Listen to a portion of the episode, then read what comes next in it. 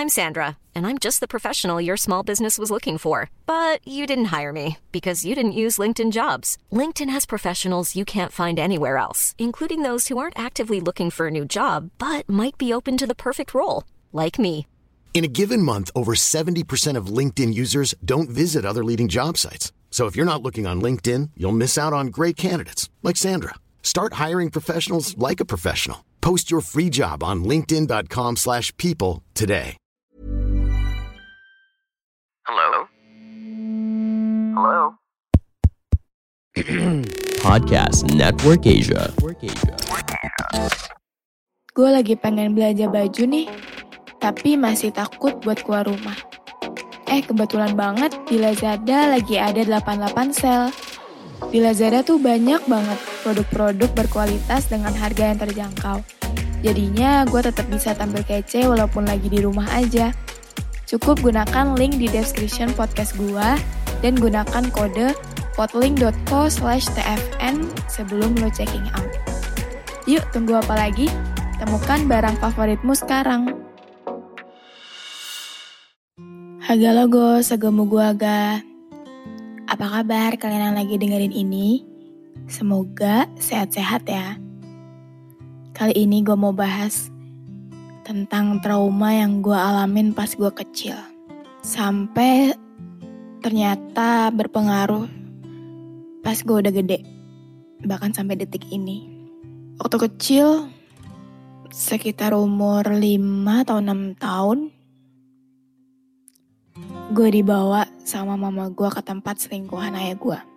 Gue masih ingat betul jalannya kayak gimana. Gue masih ingat betul gimana kondisinya. Gue masih ingat betul gimana percakapan antara mereka. Jadi saat itu ayah gue nggak ada di TKP.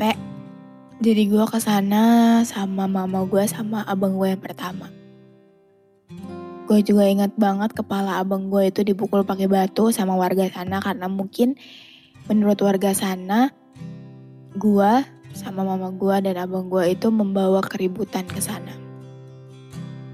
Abang gue udah bilangin mama gue kalau udah sampai sana jangan ribut, jangan nyari ribut gitu.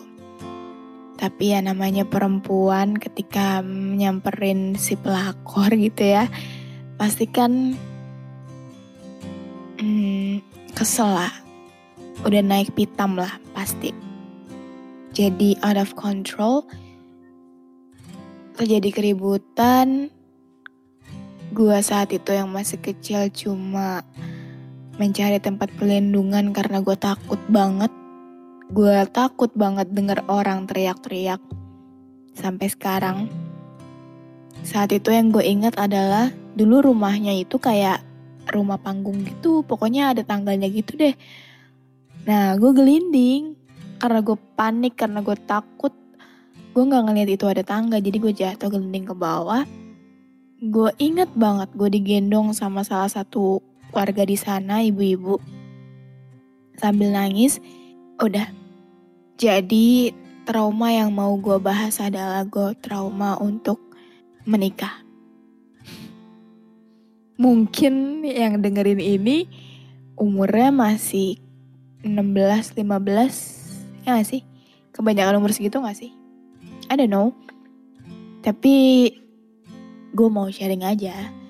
Kalau ya gue punya ketakutan akan hal itu karena dari pengalaman gue yang pas kecil tadi, karena gue melihat tidak ada kebahagiaan di dalam pernikahan itu, um, terus juga gue ngelihat contoh bahkan orang tua gue sendiri, gue ngelihat contoh dari kakak-kakak gue yang udah nikah, gue nggak tahu, gue gue semacam tidak melihat ada kebahagiaan aja.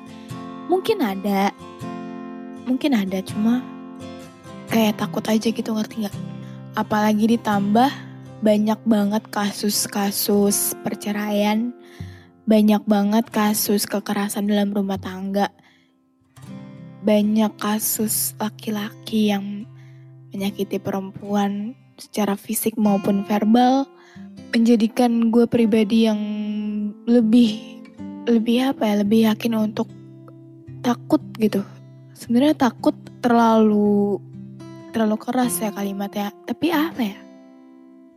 Gue belum nemu. Ya intinya gue gak mau nikah aja. Apalagi umur gue yang udah 20 tahun ini 21 sedangkan umur segini kan bagi anak perempuan itu umur yang pas untuk menikah ditambah lagi sudah banyak undangan-undangan yang gue terima dari temen sekolah gue rata-rata perempuan yang laki-lakinya sih belum ya. Yang perempuan ini loh. Du juga sama kelahiran 2000 ya paling ada 99 berarti kan 20 sampai 21 dan dia udah memutuskan untuk menikah. Waktu itu sempat pernah seminggu tuh bisa tiga kali kondangan. Terus gue kayak muak aja gila nikah semua percayanya gimana? Ngeyakinin diri sendirinya kayak gimana? Gitu. Mungkin beda ya. Mungkin ya gue doain mereka beneran ketemu sama soulmate-nya mereka beneran ketemu sama jodohnya mereka. Karena menurut gue pernikahan itu bukan tolak ukur yang lo nikahin itu adalah jodoh lo karena kita nggak tahu ya jodoh itu rahasia Allah gitu, rahasia Tuhan gitu. Dan kita nggak tahu nih orang yang kita nikahin nih orang beneran jodoh kita atau bukan.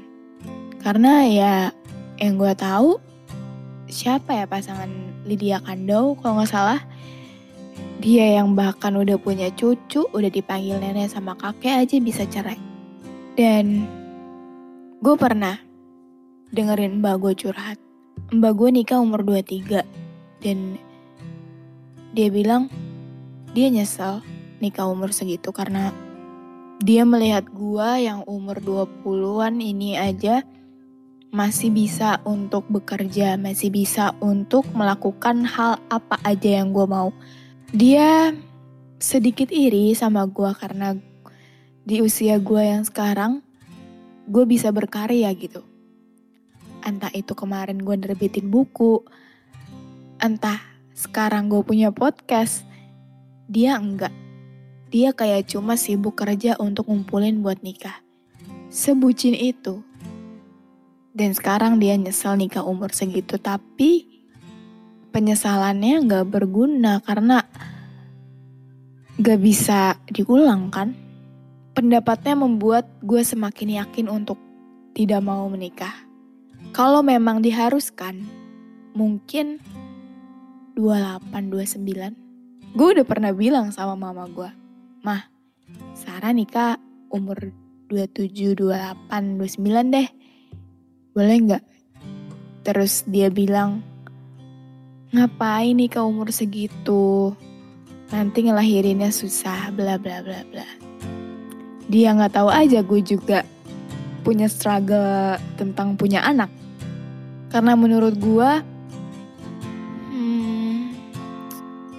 anak itu adalah gini loh, ketika kita punya anak, sama aja dengan kita nge-build manusia untuk menjadi manusia yang baik dan benar. Kita nggak mau dong anak kita jadi orang yang gak benar. Kita nggak mau dong um, anak kita tuh jadi penjahat atau ya orang yang gak berguna lah gitu kayak punya anak tuh sesuatu yang sulit untuk dilakukan karena lu ngebangun satu manusia ini gitu untuk jadi manusia yang baik, manusia yang berguna bagi orang-orang di sekitarnya. Berat banget tugasnya untuk menjadi orang tua gitu. Dan gue udah mikirin itu sebelum gue nikah gitu.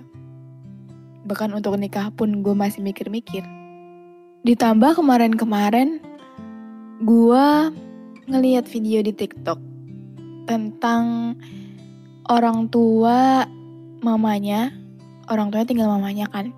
Mamanya itu ditinggal sendirian sama anak-anaknya karena anaknya udah berkeluarga semua gitu.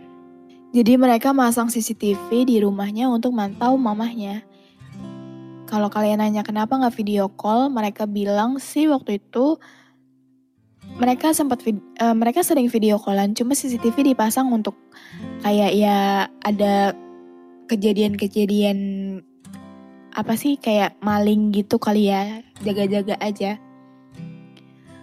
Gue ngeliat di situ videonya mamanya buka puasa sendirian. Pasti sepi banget ya. Pasti sepi banget ketika anak-anak lu udah ninggalin lu gitu karena nikah itu bikin gue makin gak mau nikah ditambah gue anak terakhir perempuan perempuan kan kalau nikah pasti dibawa sama suaminya. Dalam logikanya gitu ya. Pasti kan ikutin suaminya gitu. Ya syukur-syukur kalau nanti gue dapat suami yang mau ngebawa orang tua gue gitu. Tapi kalau enggak, kalau gue lawan, surga gue udah berpindah ke suami gitu. Jadi gimana? Beneran takut untuk ninggalin orang tua tapi melihat umur orang tua gue yang gak muda lagi gue melihat ayah gue yang juga udah gak muda lagi sedangkan anaknya ini gak mau nikah tapi juga gak mau kalau ayahnya udah pergi duluan sebelum dia nikah karena kan walinya itu ayah gue gitu kalau bukan ayah gue yang nikahin terus siapa ya pastinya abang gue ya, abang gue yang laki-laki. Cuma kan kepinginnya ayah gitu. Ya, itu yang masih gue ributin di dalam pikiran gue karena pengen nikah tapi gak mau. Gak mau nikah tapi bukannya doain ayah gue cepet meninggal, cuma takut aja gak kesampaian. Tapi belum mau. Ya gitulah. Terus juga panutan gue dalam berpikir itu kan Gita Savitri ya. Dia yang selalu mengedepankan dirinya gitu daripada orang lain. Dia yang selalu mendengarkan dirinya daripada orang lain. Dia yang selalu bisa gitu. Dia nggak peduli tuh sama omongan orang. Eh mungkin pernah sesekali dipikirin sama dia tapi nggak dipikirin banget. Dia nikah umur 27. Sedangkan di sini 27 udah terlalu ketuaan dan dia juga pernah speak up kalau dia sama suaminya um, belum mau punya anak atau gak mau punya anak gitu gue lupa kayak seneng aja dia berani speak up kayak gitu ya karena juga dia tinggal di negara luar ya. Mamanya juga gue lihat termasuk ke dalam kategori orang tua yang open minded juga. Jadi ya maksud gue nggak apa-apa gitu teman-teman gue nikah umur itu ya. Itu urusan mereka lah gitu. Tapi gue kayaknya enggak deh. Kayaknya enggak ada pikiran ke sana deh. Belum mau aja. Udah sharing kali ini gitu doang. I don't know ada hikmahnya atau enggak cuma makasih udah mau dengerin suara gue makasih udah dengerin gue cerita karena menurut gue kenapa gue suruh kalian DM gue karena kalian udah dengerin gue cerita. Jadi masa kalau kalian cerita nggak gue dengerin? Ya gitu. Oke, okay. have a nice day everyone. See you next time. Dadah. Pandangan dan opini yang disampaikan oleh kreator podcast, host, dan tamu tidak mencerminkan kebijakan resmi dan bagian dari podcast Network Asia. Setiap konten yang disampaikan mereka di dalam podcast adalah opini mereka sendiri dan tidak bermaksud untuk merugikan agama, grup etnik, perkumpulan, organisasi, perusahaan, perorangan, atau siapa pun dan apa pun.